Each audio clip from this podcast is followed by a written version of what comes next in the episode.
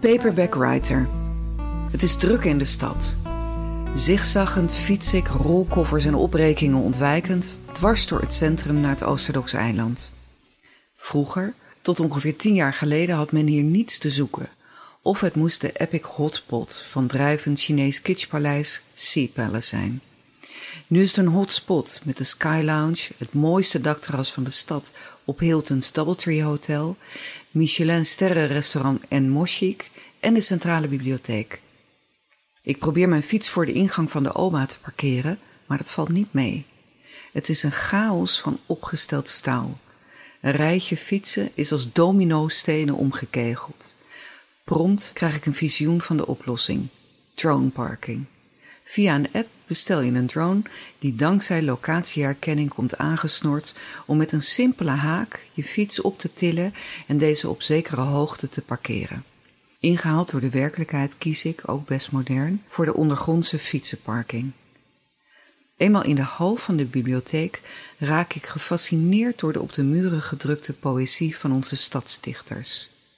Ik lees ze zachtjes voor aan de dicteerfunctie van mijn telefoon. Ik beloof mezelf het later op een rustig plekje terug te luisteren, want een gedicht moet je horen, het liefst met je ogen dicht. De bibliotheek wordt verbouwd, maar ondanks de wanorde is het er druk. Overal zitten mensen te werken, te lezen en te luisteren. Geconcentreerd aan enorme tafels rond de files, liggend op sofa's of dromend op een fauteuil voor de zaalhoge vensters met uitzicht op het ei. Op de vierde verdieping, de tijdelijke afdeling multimedia en muziek, installeer ik me. Naast me, in een geïmproviseerde radiostudio, wordt een debat opgenomen met leerlingen van het Mundus College.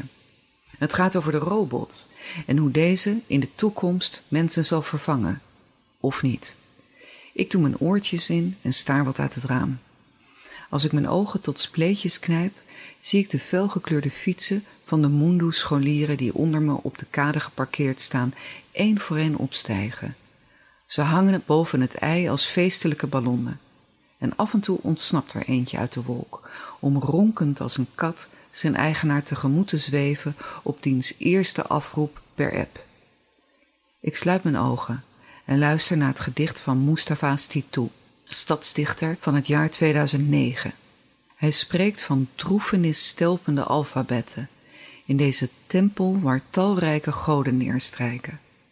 Die goden, dat zijn wij, de lezers, de luisteraars en schrijvers.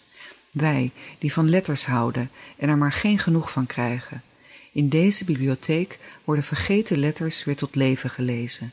Ik mijmer verder in mijn stoeltje voor het raam over hoe er misschien ooit een boek met mijn naam op de rug in deze tempel zal staan, of een gedicht op de muur. Dear sir or madam, will you read my book? It took me years to write. Will you have a look? I want to be a paperback writer.